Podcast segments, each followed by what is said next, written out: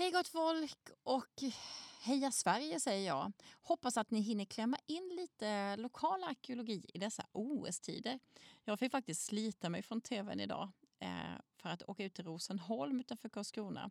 Där jag mellan kvalen och finalen i sprinten träffade Mikael Henriksson som är arkeolog på Blekinge museum men också första antikvarie. Och han är väl den som har ja, utan tvekan bäst koll på vad som händer i länet när det gäller just arkeologi. Och tanken med det här avsnittet är att sätta lite punkt för 2021. Men framförallt att ta reda på lite vad som kommer att hända under 2022 eh, just inom arkeologin. Ehm, och kanske få någon hint lite om vad man skulle kunna göra fler poddavsnitt på som kan intressera. Som ni förstår när man sätter sig ner lite sådär och tar en kopp kaffe och börjar prata så blir det rätt många stickspår. Så förutom att prata om det vi skulle prata om så avverkade vi också en hel del annat kring Blekinges arkeologi. Detta avsnittet görs ju som vanligt i samarbete med och eh, med bidrag från Länsstyrelsen i Blekinge. Så, nu lämnar jag väl över då till Lena och Mikael Henriksson i arkeologernas fikarum på Rosenholm.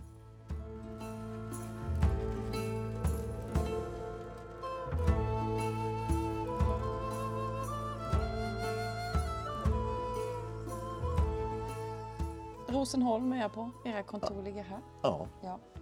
Eh, Jag tänkte så här att nu har vi kört den här podden och vi har varit med ute lite och så och hängt med arkeologin.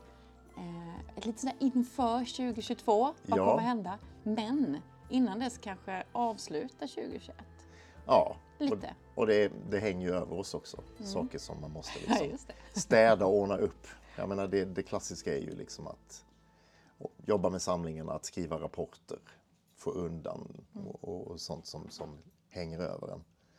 Eh, och det är både stort och smått. Jag menar, vi hade ju E22-grävningen på Lösen det. Eh, Och det är ett spännande material som, som kommer ta ett par år att bli färdig med så att säga. Eh, Och sen är det små projekt hit och dit, sånt som man önskar att man skulle kunna diska av på en dag, men så blir det liggande av olika anledningar. Ehm, Men vet, jag tänkte, för förra året, vi var med i podden i var Vemmö, dykningar E22, Gripshunden, Ja, Store Backe var vi ute och besökte. Och där vet jag att det är grejer på gång. ja. Elleholm och så. Ja. Men vad, vad har hänt? Var ligger man med alla de här grejerna? Eh, ja, de är i lite olika faser. Och sen, sen är det ju så att nu är vi i februari och man ska ha sin verksamhetsplan färdig. Och vi, vi ändrar ju fortfarande i den. Och sen blir det ju alltid att ett år kan ju komma över en och så får man flytta runt saker. Så att vissa saker vet vi definitivt. Vi vet ju när vi ska göra det och så. Andra saker är väldigt mycket mer öppna. Eh, och det är klart att det är skillnad på sånt som är på uppdrag då. Alltså sånt vi gör liksom i exploateringsarkeologin eller sådär. Och om det är forskningsprojekt som inte är lika jagade att bli helt färdiga. Så, så att det är lite, lite olika hur prioriteringarna ser ut. Men vad, vad, vad sticker ut från förra året? Ehm, ja, här är väl lite av varje, men, men ehm, det var ett bra år på många sätt. Eh, du nämnde Hallarumsvikens Store Backe. Donation. Ja, till exempel då med det Inge Håkanssons donation till att vi ska komma vidare med gravfältet på Snarket där. Och eh, det just nu håller vi på med en publikation som vi hoppas ska bli färdig lagom till Jämjedagen den 28 maj tror jag. Oh, det blir lagom till hängmattan då. Ja, ja precis, precis. Men det där är ju bara ett första steg. Vi har liksom på något sätt delat upp att donationen ska räcka till två steg. Och det här är första steget där man då kan se vad, vad säger det här gravfältet när vi, när vi tittar helt förutsättningslöst på helheten. Och vad kan bli nästa steg? Och ett nästa steg tror vi ju ganska mycket på att det skulle kunna bli publik arkeologi. Där man mer punktvis går ner på gravfältet med inte minst samverkan med Östra Blekinge hembygdsförening och sådär. Gud vad spännande. Eh. Men vad menar du? Vad, liksom, vad är det man gör då? Gräver? Ja, alltså min tanke är väl att, att det är ett stort gravfält som är bortplöjt. Och ett litet gravfält som är samma gravfält egentligen, där det är lite alltså, välbevarat uppe i skogen. Ja. Eh, Så att ute på den åkermarken finns det förutsättningar att, att eh, rensa fram och se gravar som har försvunnit. Men går det, går det att se någonting där? För jag har Nej. varit där, det är åker, åker liksom. Eh, Jag Men- gjorde en undersökning där 2020 och då fick jag ju rensa fram på en yta. Då kom det ju en försvunnen domarring som inte syns i ytan. Nej.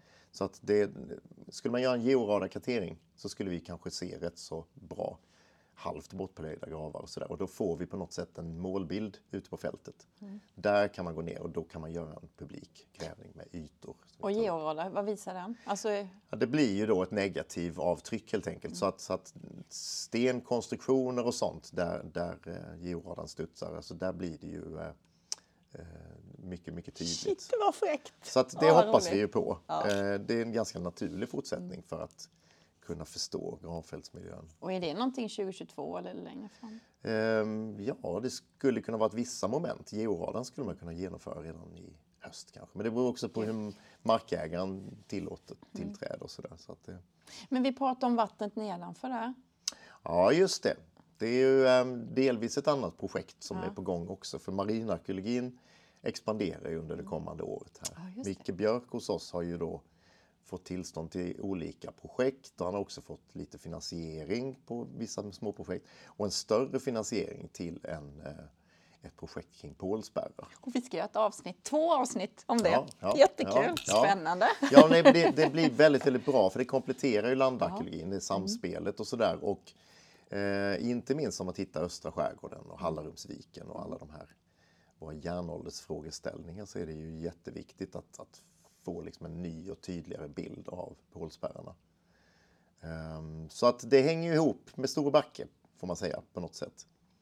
Um, nu kommer väl det att ägnas mer åt mellersta Blekinges Ja, pålspärrar det. första Han säsongen. började längre Så bort, ja. 2023 kommer det 23 bli sonarkartering och, och dykningar i östra skärgården. Så, så det, Jag tror redan i mars att de skulle göra någonting. Då ska jag i alla fall prata med Mikael Ja, Björk ja. en första gång om det här med påspärrarna. Ja. Skithäftigt. ja, just det. Spännande. Ja, för sen är det ju mer punktvisa insatser från marinarkeologin, så här, olika vrak och olika saker som, som är mer eller mindre kända sedan tidigare. Som, som blir då, det blir en fortsättning vid Vemme förhoppningsvis. Ja, just den är ju rolig. Ja, och, och det blir ju ett jättehäftigt resultat och eh, naturligtvis viktigt ur ett världsarvsperspektiv och Vemmevarvet och, och allt det. Man hittade pålar från Ja. 1680. Ja, ja det, det blir ju liksom inte bättre än så. Nej, det blir fräckt. Mm. Ehm, så att där, sen så Gripshunden är ju, ligger ju som ett projekt utanför liksom, museets övriga delar så att säga. Men Micke Björk är ju väldigt involverad i det så att där eh, kommer det ju, är det tänkt att det ska vara dykningar i år också. I år också. Mm. Häftigt. Ehm, Men då fortsätter de med samma saker, liksom. plocka upp grejer? Eller, Ja, ja, alltså det, eller- det handlar ju fortfarande om att utvärdera just de delarna man varit nere i. Man har ju inte gått till botten där på något sätt. så. Ehm, så att det handlar ju om att få någon slags tolkning av de här rumsliga delarna man kommer ner i. Vad är det för funktioner? Vad är det för delar?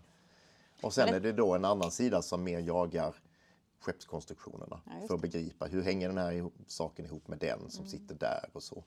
Så att det, det är olika sidor, både kulturhistorisk och skeppsforskning. Men ett sånt projekt det kan ju ta 20-30 år. Ja, Det ja. känns det som. Det är jättelänge. Hur länge har man hållit på med kronan? Ja, Det är ju ja, ett precis. antal år. Så Ja. det är ju, jo visst, ehm, och det, det, är, det är jättespännande. Mm. Men det är naturligtvis väldigt kostsam arkeologi. Så att det är ju inte så att, att man kan göra allt man vill på en gång. Nej. Sen var det ju Älleholm också, där dök de. Ja, precis. Eh, där är ju dels Det är är det spännande. pålar eh, och sen så är det ju då det här vraket som ligger öster om kyrkan.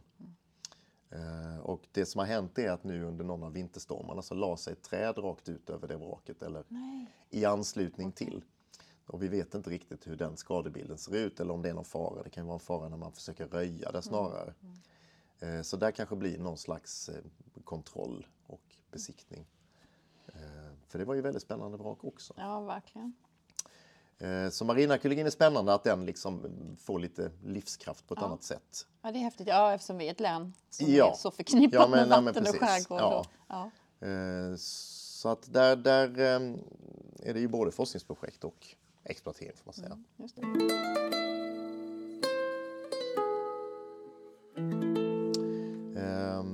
Sen så har vi ju vi har en publikation som kommer snart. Nu i mars. Just det. Som är inspirerad av arkeologi Östergötland, får heta Arkeologi Blekinge. Och det blir ju ett drygt 20-tal, men nästan 25 mer eller mindre omfattande artiklar på olika arkeologiskt kopplade teman. Så det är ju liksom kulturlandskapsprojekt och Mm. arkeologiska projekt. Eh, Och det är eh, ett smörgåsbord av ja, intresserade och forskare som varit involverade i Blekinge på de senaste nästan 20 åren. Så att det blir lite retrospektivt. Det är inte bara vad som har hänt under ett år. Nej. Och det kan ju bli så ett, ett nytt nummer om ett par år. Så vi samlar på oss så att vi har det som en någon slags... Och den går att köpa då eller? För Ja, den som precis. eh, Ja. älskar arkeologin i Blekinge. Ja men det är ju, det är ju verkligen tanken. Ja, Eh. Så någon gång i mars där kommer den. Mm, Jag nämnde då skriften om Stora Backe förstås. just det.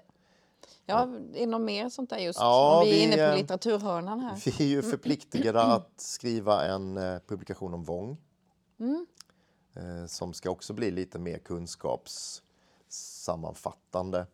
Den kommer bli på engelska för första gången för det har vi aldrig gjort någonting om Vång. Så det Spännande. som en brist. Ja, för där finns ju en del att ta av. Mm. Eh, Och sen planeras det också eh, och skrivs på en publikation om Gripshunden som ska vara på engelska. Eh, Är det också under, ska den bli klar detta år? Den ska bli klar i år. Ja. Wow! Så att det, det, det, är ju, det är ju skönt att det kommer ut någonting av arkeologin också. Mm. Eh, Alltså det känns som arkeologin i Blekinge verkligen har så här skjutit i Ja. höjden. och det... Någon gång skulle det väl hända på något sätt. Vad, är det, vad, vad beror det på egentligen? Ja, alltså det- är ju lätt att se att det ligger parallellt med alla stora exploateringar tar fart. mm. För då är det ju någonstans där i slutet av 90-talet när man börjar dra i, i Sölve Stensnäs, Vesan, i arkeologin, E22. Och sen har ju det gått vidare på något sätt så att det är också stora mm, andra exploateringar som, som har tagit vid. Det är inte bara liksom Trafikverkets motorvägsbyggen utan det är ju ja, men sånt som Ljungaviken till exempel. Just det. Så det har varit väldigt mycket västra Blekinge. Eh, Och på något sätt så har vi också snubblat igång de här forskningsprojekten som ger en annan sida av arkeologin. Eh, Så att i ljuset av det så ser man ju också värdet av alla små saker. Eh, Så det blir någon slags massverkan till slut. Men Det känns ibland som exploateringsarkeologin, att det är den som är liksom lite motorn som håller igång så att det är lättare att få annat. Absolut, för det är ju inte så mycket arkeologi som man bara har stående väntandes på att det ska hända något. Utan det krävs ju ofta att, att det blir någon slags investering. Eh, och Blekinge museum är ju väldigt litet så. Och vår arkeologi har ju liksom alltid varit beroende av samverkan med andra och sådär. Så att, men att vi ändå har bevakning i länet på att, att liksom inte vad som helst kan hända utan att man tittar först. Eller, det har ju också haft viss betydelse. Eller stor betydelse skulle jag vilja påstå. Och jag menar det, det om, man, om man backar bandet och tänker på utvecklingen med, med Thomas Persson och Karl-Axel Björkqvist. Liksom det, grunden läggs ju där någonstans eh, i, i kombination med Ingmar Atterman och sådär. Så att, eh, det, det har väl varit en väl krattad manege sen när man, när man sen får resurser och möjligheter. Och sen har ju tiden kommit så pass eh, tekniskt eh, att, att vi har möjligheter att, att Det är lite lättare. Ja, och, och eh, att de här exploateringsprojekten och andra projekt kommer in i Blekinge rätt så sent har varit en fördel. För vi har många vi kan liksom blicka mot andra projekt, så det, hur man gjort där rent tekniskt, metodiskt och, och sådär. Så man, det blir ganska sådär optimalt genomfört här, vill vi ju tro i alla fall.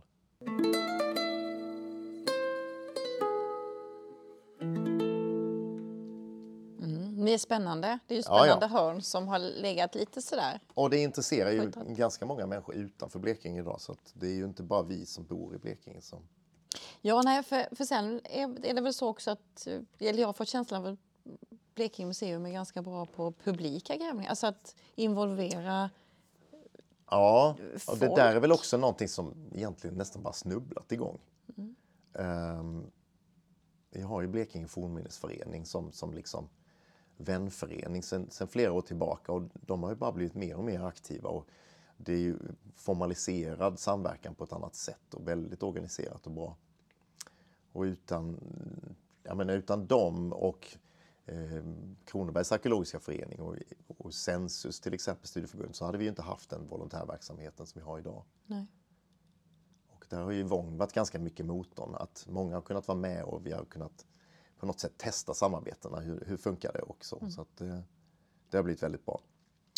Är det någonting sånt där stort i år? Som... Ja, nej, men alltså det finns ju... Det, vi, vi har, man önskar man kan säga vi ska ha en stor grävning igång som vanligt. Men nu sitter vi här liksom med Svarte Petter och måste liksom komma ikapp med allting från förra säsongen och det är ett jättejobb. Eh, Så att det, det vågar vi inte lova så, utan det finns kanske andra saker man kan dra i där. Men där finns andra möjligheter för publiken att vara med. Vi, vi pratar Hallrumsviken, det kanske ligger ett år framåt. Ja, det. Storvacke. Eh, Men, men vi har funderingar på andra ställen. Ett sånt är från förra året som var vid eh, Angleåns utlopp, öster om Ronnebyån. Där ju också gjordes ett reportage tror jag, Hagbads källare. Just det. Eh, och där vet jag att eh, Martin Hansson har sökt och fått medel till en fortsättning i år. Ah, vad spännande. Eh, så att vi får väl se vilken, vilken utsträckning, vilken omfattning. Men där var ju också volontärer med. Så att det kan man mycket väl tänka sig att det blir en publik grävning delvis. Ja. Och sen så har vi ett möjligt, möjligt projekt på gång på Torhamnslandet. Eh, vid Hemma en- vid, ja. En, en legendarisk lämning som är omnämnd redan på 1700-talet och det är Pysslingebacken. Ah, vad spännande. Eh, gropkeramisk boplats precis på Strandvallen där som delundersöktes på 50-talet. Det görs inte väldigt mycket mer med det efter det på något sätt så att det var lite dags att komma tillbaka dit kanske. Eh, och det, jag menar, den grävs ju jag menar, det är många som har varit där och rotat och, och letat fynd och så men har Jag inte... har hittat flintar när jag Ja, har gått med hästar där. De har- bara ligger i sanden så. Ja. Man liksom går rakt över Och dem. inte minst är det ju keramik som Ja. ligger där, det är ju jättehäftigt. Ehm, Men jag tänker nu i ljuset av väldigt mycket av den stenåldersarkeologi som har varit i västra Blekinge så växer ju värdet av att liksom överblicka och, och, och liksom göra något vettigt med det som är i östra Blekinge också. Så att där, där eh, blir det då i samverkan med Länsstyrelsen att göra ett kunskapsprojekt kring det. Jag hoppas vi att det kan bli kanske en publikgrävning redan ja, tidig sommar kanske.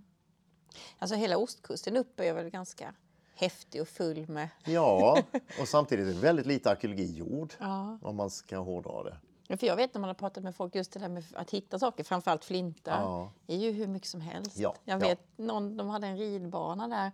Den, då var hon, det var jättelänge sedan, det är ju över 20 år sedan, men hon var liten den här tjejen. Ja. Men då 20 gånger 60 meter, där var hon uppe i 86 Ja, flintavslag. så där. ja, ja. liksom, så att det är ju... Ja, det är jätte... Jo, men det är- det mycket som återstår att- liksom hitta och, och få grepp om. Ja, spännande. Eh, Och det kan ju vara bra när man har ett sånt här projekt så kan man vända sig till allmänheten och få se deras fynd i alla fall och pricka in Det nya finns platser och nog sånt. mycket i byrålådorna. Ja, och jag tänker att det, det är verkligen rätt läge att göra det här. Så att vi, vi får se. Åh, vad spännande. Ehm, och det kan ju också då som sagt bli en publik Mm. grävning av det.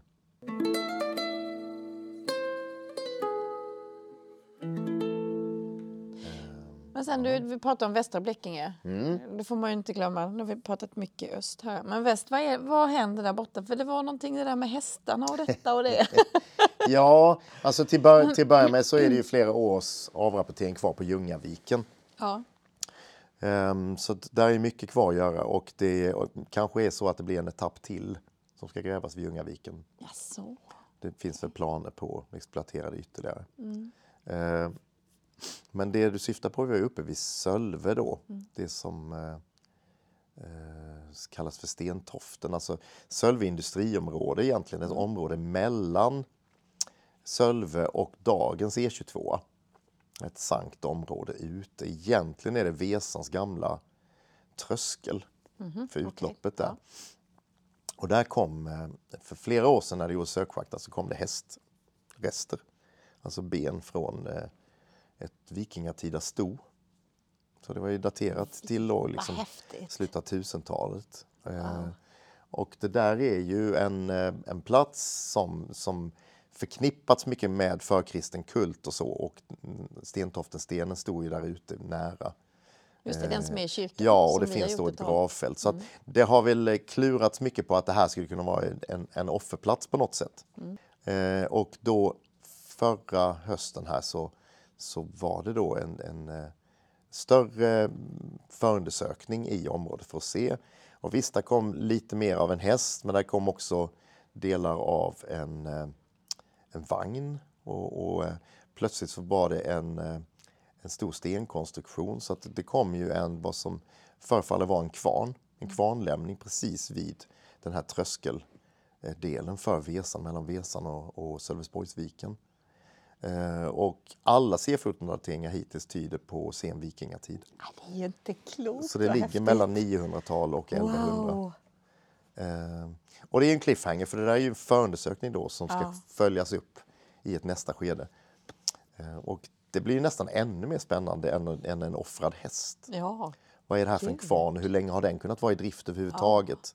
För det är inte mycket flöde av vatten idag och så. Och vad speglar den för liksom maktanspråk och funktioner och, och så i landskapet? Om det här är kanske en, eh, ja, det kan vara munkar som etablerar sig där tidigt, men det kan också vara ett uttryck för tidiga kungamaktens anspråk. Eh, området ligger ju sen under Sölvesborgs slott. Så det blir plötsligt liksom väldiga ringar på vattnet här eh, och spännande. Åh, vad fortsättningen. häftigt. När är det dags för det? Ja, det kan vi inte säga just nu. Nu är det avrapportering på det, så att, eh, det får man ju se Ja.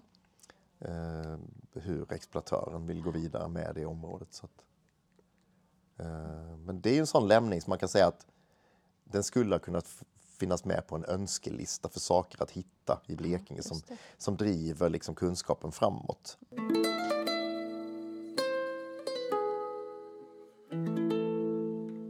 Västra Blekinge kan jag säga också att vi har lite en dialog med Sölvesborgs kommun om att, att kunna sätta igång ett projekt kring Sölvesborgs slott. För det är ändå en riksborg och väldigt betydelsefull och idag far den illa liksom av skadegörelse och sådär. Så att det finns ju ett ärende, alltså en, en hantering från, från eh, Länsstyrelsens sida med, med skötsel och just de här eh, delarna. Och så samtidigt så känner vi att vi kan väldigt lite om det. Det krävdes väldigt mycket inför Sölvesborgs stadsjubileum då på 1940-talet men sen har det bara varit liggande och det är lite synd. Eh, så vi har haft en dialog och vi tänker att det här är någonting, ett kunskapsprojekt som med fördel kan då dras parallellt med Älleholm. Som är då inte kungamaktens stödjepunkt utan ärkebiskopen och kyrkans. Så att det medeltida Blekinge, kunskapen om det skulle ha stor glädje av ett projekt kring Sölvesborgs slott.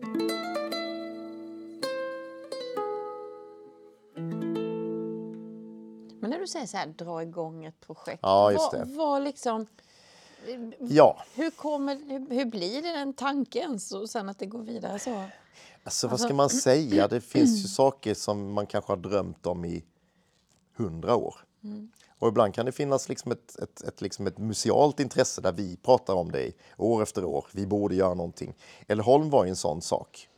Där vi började med att liksom, skulle vi inte någon gång? Jo, det skulle vi ju förstås. Och sen så var det att Jimmy Julin kom till oss från regionmuseet och började på Blekinge för några år sedan. Han är då borgforskare. Och då liksom möttes de här värdena. Ja, men nu kan vi ha ett litet kunskapsprojekt.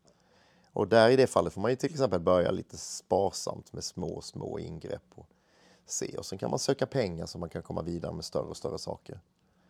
Eh, Så att det är klart att ibland är det önskemål internt från antikvarier och arkeologer. Eh, Och det är inte bara Blekinge museum. Jag menar det, pratar vi om Siretorp och så, så Ljungaviken plötsligt så, så intresserar det så många fler. Eh, Men, men ibland är det ju folkligt intresse. Jag menar, det finns så många lämningar där ute som är mytomspunna och man har väldiga liksom, uppfattningar om dem på olika sätt. Och ibland är det totala vrångbilder som, som liksom satt sig i, i, i traditionen förstås. Men det där kan ju mötas ibland liksom då när det finns förutsättningar. Och jag tänker Pysslingebacken är ju ett sånt. Jag menar där omtalades ju redan på 1700-talet det här om att pysslingarna, man kan hitta deras bröd. Just. Och att brödet var ju egentligen då de här keramikskärvorna från gropkeramisk tid. Eh, Så där finns ju liksom verkligen en folktradition. Och, och så samtidigt så, så kom vi framåt med stenålderns Blekinge och nu möts det där på något sätt. Och, och sen så tycker Länsstyrelsen att ja, men det här är en vettig idé att följa, att man kanske kan göra ett kunskapsprojekt sen. Ehm, Men det är klart att man puttar inte igång ett Gripshunden-projekt bara sådär. Nej. Eh, utan då blir det ju helt andra liksom, finansieringar och möjligheter. Så. Eh, bara tänka på dykningar där kostar ju miljoner egentligen. Och konservering är ju oerhört kostsamt. Mm. Vång ligger ju närmare till hands att man kan göra små saker utan att det kostar mycket. Och så gör man det under många, många år. Och då är det lättare att säga att ja, men vi kan i alla fall någon vecka varje år göra någonting tillsammans med människor mm. som tycker det här är intressant.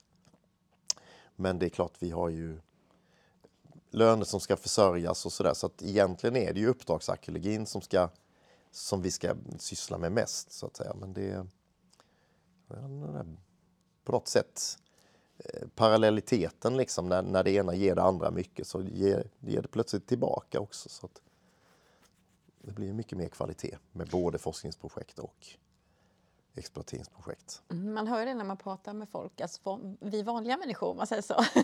det här med man, eh, I samtliga av de här poddarna man har gjort när man har varit ute, eller jag, så säger ju alltid arkeologen, eller jag pratar med, ja, vi hade ju behövt ha lite pengar och så. Var, ja. var kommer pengarna från i alltså till att göra sånt här? Vem är det som betalar? Ja, alltså det är, det är ju ofta, vad ska vi säga, hopsnickrande projekt för projekt. Mm.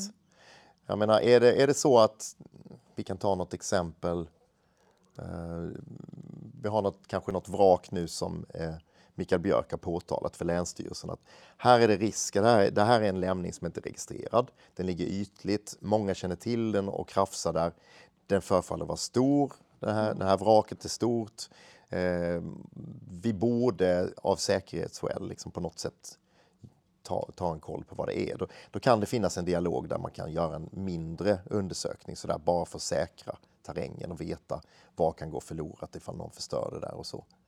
Um, så det är ju sådana saker, men, men alla statliga medel från Länsstyrelsen får inte gå till forskning så.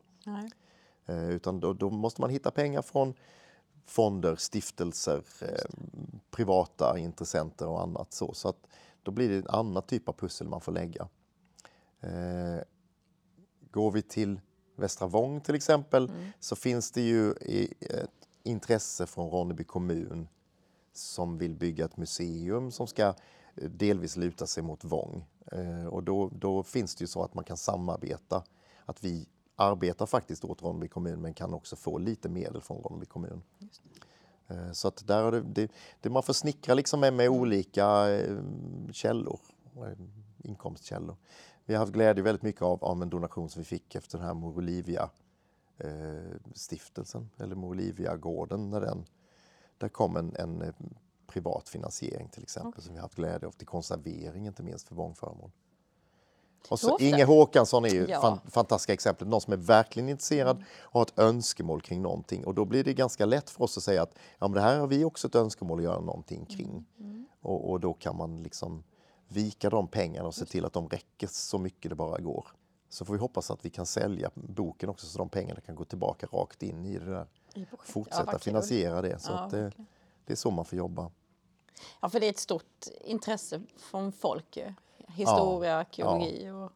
Och vi räcker ju inte till där. Nej. Alltså det går ju liksom inte, tyvärr. Eh, hör folk av sig och säger att ja, jag har det här här ute, kan ni inte komma och titta på det? Och sen så mm så lovar man för mycket och säger men det kan vi göra och sen så går det tre år och så skäms man jättemycket. Ja, och jag har ju bett dig att komma och titta ja, på mina hälsningar. Det. det händer ju aldrig. Nej, nej. Alltså det är ju det. Det, ska, det är också ett samspel för Länsstyrelsen är ju de som handlägger ärendena åt mm. staten. Så att, men sen så i ett litet län så får man ju jobba ja, åt varandra. Så att det mm. är, ja, nej men det, det är det där. Mest känner vi väl att det är en positiv anda där ute sådär. Eh, för annars kan det ju vara att man uppfattas som en polis och en snokare och, Usch, ja. och sådär som bara vill sätta käppar i hjulet och så. Ja, nej, det är dubbelt. Ja. Det är det ju. Men jag tror, alltså det finns ganska många jag träffat från liksom exploateringssektorn som är genuint intresserade mm. också. Men ingen vill ju att det ska komma i fel skede. När man Nej, precis ska liksom gjuta sin grund eller det finns inga pengar till det. så. Det, det är ju där det måste klaffa med mm. planeringen i liksom samhällsbyggnaden och, och, allt det där. Att arkeologin först och sen kan man släppa det och sen kan man gå vidare så det inte stannar upp något annat. Just det.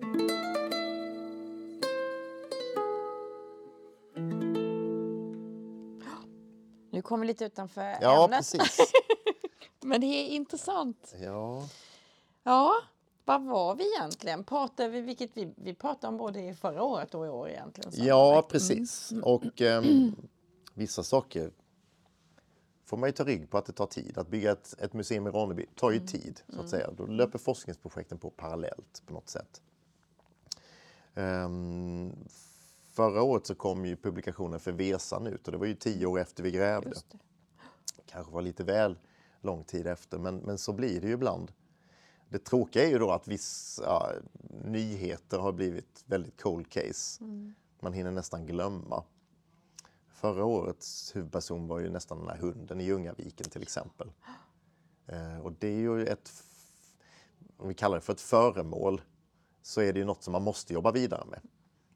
Och i, och i den processen så gör man ju kanske en DNA profil helt enkelt förhoppningsvis och man jobbar vidare med andra saker. Men ligger den bara? Den, den ligger ju här, här, ute liksom, i ett preparat ja. och väntar. Eh, men det är ett ganska bra exempel på ett föremål som sen hamnar på museet och sen hur gör vi med det? Ja, det vill man ju kunna ställa ut, mm. men är det verkligen färdigforskat? Och då får vi se om vi kan jobba vidare med det preparatet och få fram det ännu tydligare. Men vad, vad, är, det man, vad är det man vill göra? Som det är nu så ligger den ju i en, en metallbox helt mm. enkelt. Vi kan ju inte göra en CT-scan eller någonting sånt. Så att vi ser ju inte helheten, vi ser bara saker uppifrån. Mm.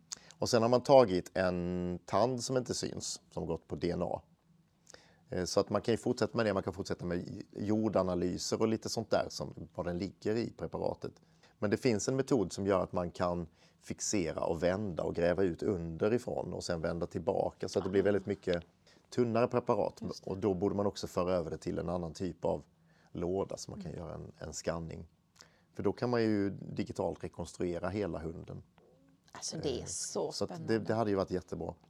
Eh, men då, är det, då blir det mer ett museiprojekt nästan som är, mm. ärvs från fältarkeologin egentligen. Eh, och, och där kan man verkligen säga långsiktigt, var ska vi ställa ut all Vesanarkeologin, all Ljungaviksarkeologin, all Siretorpsarkeologin? Alltså det förtjänar ju nästan ett eget, eget museum i sig, för stenåldern är ju oh. Den är lite svår kanske att göra tilltalande rent pedagogiskt alla gånger men samtidigt är det ju ursprungsberättelsen för hela mm. Blekinge i, i, olika omgångar när man, när man kommer till det här landskapet och så. Så att det är ju jätteviktigt och då har vi ju ett helt unikt material, fantastiskt material från Blekinge som måste exponeras.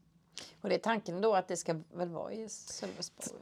Ja, det, det är ju lite så man, man önskar att det ska kunna vara så nära där det grävdes ja, upp. För det är det som är så roligt när man kommer dit, att man är liksom ja, i omgivningarna ja. kring. Ja, men så är det. Men det är ju en väldigt långsiktig fråga och mm. pratar vi finansieringar där så är det ju det finns ju en, ett Sölvesborgsmuseum idag som har arkeologi utställd. Men mycket av det går tillbaka på en, en utställning som Karl-Axel Björkqvist byggde, jag tror 1985. Mm. Så det säger sig mycket att det har hänt väldigt mycket inom, inom stenålderns Blekinge, inte minst sedan dess. Ja. Eh, så att där finns ju en stor potential. Och då får man ju försöka diskutera förutsättningslöst med besöksnäring och, och Sölvesborgs museum och Sölvesborgs kommun och, och allt sånt där. Vad, vad, finns det för förutsättningar och så? Men det är häftigt med stenåldern just. Ja. Alltså det minns jag. Jag tror jag att folk ju. Ja, fattar man, inte hur häftigt det är egentligen. Nej. Och när man var liten tyckte jag det var ballt när man var på så här naturhistoria, alltså historiska museet. Och de stod ja. en gubbe och en tant och en hund och så hade de liksom pälskläder på sig. Ja. Och det är liksom det är så fast ett, så, ja. så tänk ett riktigt museum då. Alltså, eller hur jag ska uttrycka det, där man verkligen med där vi ligger idag. Och det finns ju flera museer som har utställningar som handlar om stenålder som är, är bra. Så där, men det blir ganska begränsat utrymme det ändå får helhetsmässigt. Ja.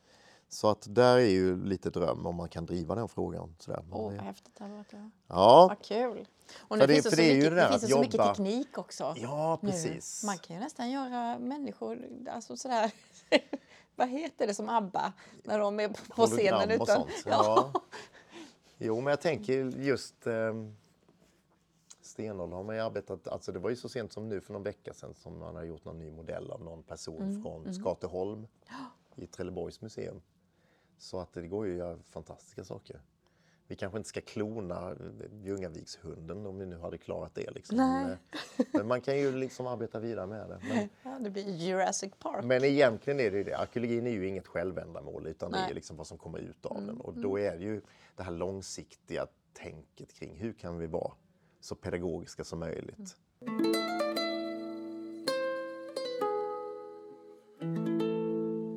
Ronneby eh, är ju då ett museum där det ska luta sig mot tre ben. Det är liksom stadens historia, det är Gripsunden och det är Västra Vång. Eh, och det är ju liksom ett nytt koncept som man tar från, från liksom ingenting egentligen. Även om det funnits en dröm om ett museum i Ronneby länge så är ju det här liksom nya förutsättningar. Eh, Sölvesborg, också helt nya förutsättningar. Karlshamn, ja med eh, Älleholm så finns det ju fantastiska spännande förutsättningar, arkeologisk pedagogik så. Eh, Karlskrona ska vi inte prata om, alltså det, det ju, finns ju hur mycket som helst egentligen. Ehm, och då är det ju inte minst östra skärgården, det tidlösa perspektivet på just eh, skärgårds och kustlandskapet inte minst som, som är tilltalande. Och när vi nu jobbar med Pålsberga, när vi jobbar med Hallarumsviken, vi har liksom väldigt mycket nytt att, att lyfta fram där. Så känns det som att, att det här tidlösa från åtminstone järnåldern och framåt blir liksom en, en, eh, ja, en kärna i ett nytt koncept. Och där har vi pratat mycket om Blekinge museums tidigare mm, frågeställningar kring det här på 50-60-tal med kustkulturundersökningarna och marinarkeologins linda på något sätt. Så att det, det händer ju någonting i det ledet av arkeologin också nästan över hela Blekinge. Så att bara man vill det kan det nog bli väldigt, väldigt bra på ett antal års sikt.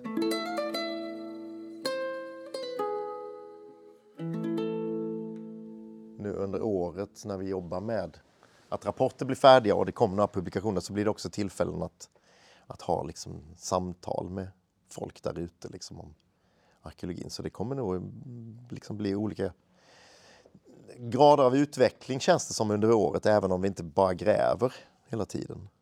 Nej, för jag tänkte bara på det, för många människor de har ju då det rapporteras och nu har man fått någon datering på något och där är en hund Ja, och lite så. Ja, ja. Men just alla de här rapporterna som då skrivs och om man nu får vara lite så här, läggs på hög om, man vill om man vill komma åt dem. Ja, just det, och ska veta att de finns där överhuvudtaget. Vi har ett rapportarkiv på vår hemsida.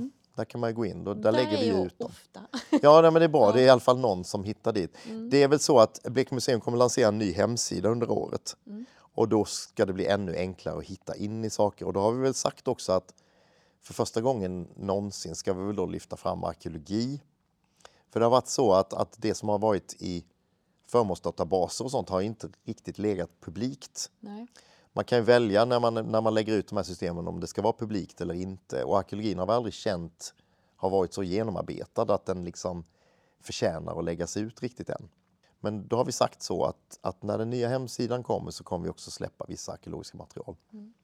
Så Det är ju väldigt kul när man hör någonting och sen när det kommer en rapport, Ja. även om den kanske är lite torr och tråkigt, men att den som vill ändå kan få läsa Ja. vad, man har kommit, vad man gjort och vad man kommit fram till. Och liksom, och det, absolut. Och det är klart att om vi då släpper en ny hemsida och man då kan gå in och, och tänka att de där guldgubbarna från Vång kanske intresserar mig. Då kanske man vill kunna se alla istället för att leta upp fyra olika rapporter eller fem där det kommer några stycken varje gång. Så kanske man då kan komma in och se vår bilddatabas liksom, där det, alla exemplen finns. Så att- Spännande. ja, det är lite Det är kul bra. för det, det blir ju... Ja, vi vill ju visa upp det som blir resultaten, annars är det ju helt meningslöst att hålla på med det. Bara samla på saker. ja. Nej, men och nu, är det ju, nu har vi förutsättningarna i vårt samhälle Ja, att ja. kunna vara mer Ja. öppna. Så det är spännande. Ja. Öppenskär nämnde jag kanske inte. Vad? Öppenskär. Nej, För nu är vi i östra skärgården. Ja, precis. Det ska vi göra ett avslut. Det ska vi göra så tidigt som möjligt i vår. Och ett avslut av, De grävningar som gjordes 2014, 15 tror jag det var. för den som inte vet, vad hände? Så var ju det en plats där det, där det diskuterades att det var plundring och sen så gjordes det en efterundersökning där ute på en ö eh, som ligger öster om Östra Hästholmen, blir det väl? Mm.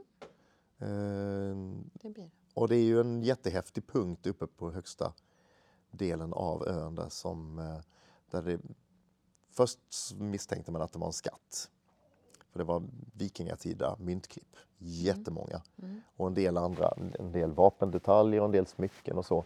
Och sen visade sig under, under grävningen där att det var en, en tomtning, alltså en husgrund helt enkelt som det här kommer inom. Eh, och det ligger i 900-talets andra hälft. En väldigt märklig plats sådär. Man kan tänka sig väldigt sådär strategiskt belägen vid inloppen där och överblickar stora delar av skärgården därifrån. Så det är en väldigt magisk plats på många sätt och den är några kvadratmeter kvar att gräva. Så det kan hända i... Det kan hända ganska så snart i vår och den faller ju då in i det övriga arbetet med östra skärgården och så. Eh, och det är ju det som ska vi säga, ursprungligen kallas för Hallarumsprojektet som var redan på 60-talet. Eh, som, som är nu ganska på nytt med att vi drar inte minst järnåldersfrågorna ute i, i östra skärgården. Det finns eh, tankar på att driva ett större kunskapsprojekt tillsammans med eh, bland annat Östra Blekinge hembygdsförening. Där, där vi ska liksom jobba med eh, inte minst den äldre målgruppens tillgång till liksom, kunskap från arkeologin. Eh, och där är Öppensjö en viktig plats. Sådär. Man tar sig inte dit hur som helst. Nej. Hur kan man då liksom förmedla den på ett, på ett vettigt sätt? Eh, så att det blir lite startskott. Kanske, Spännande. om det blir tidig vår. Ja, vi får ju se. Lite av de här grejerna ska vi ju hänga med på i podden. Ja, så att kul. folk får veta.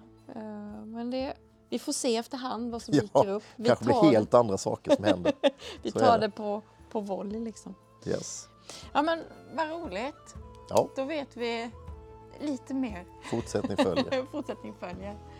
Så, eh, och din röst kommer vi väl höra några gånger under året. Det är inte omöjligt. Mm.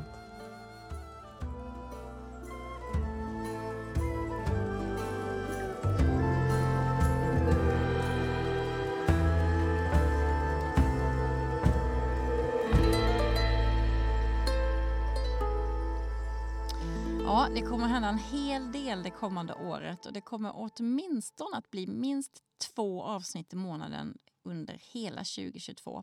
Och alla avsnitt som görs i den här podden görs i samarbete med och med bidrag från Länsstyrelsen i Blekinge och som så ofta även Blekinge museum. Vill du höra fler avsnitt så finns eh, podden på Spotify, Podbean och Blekinge museums hemsida. Återigen, tack för att du har lyssnat.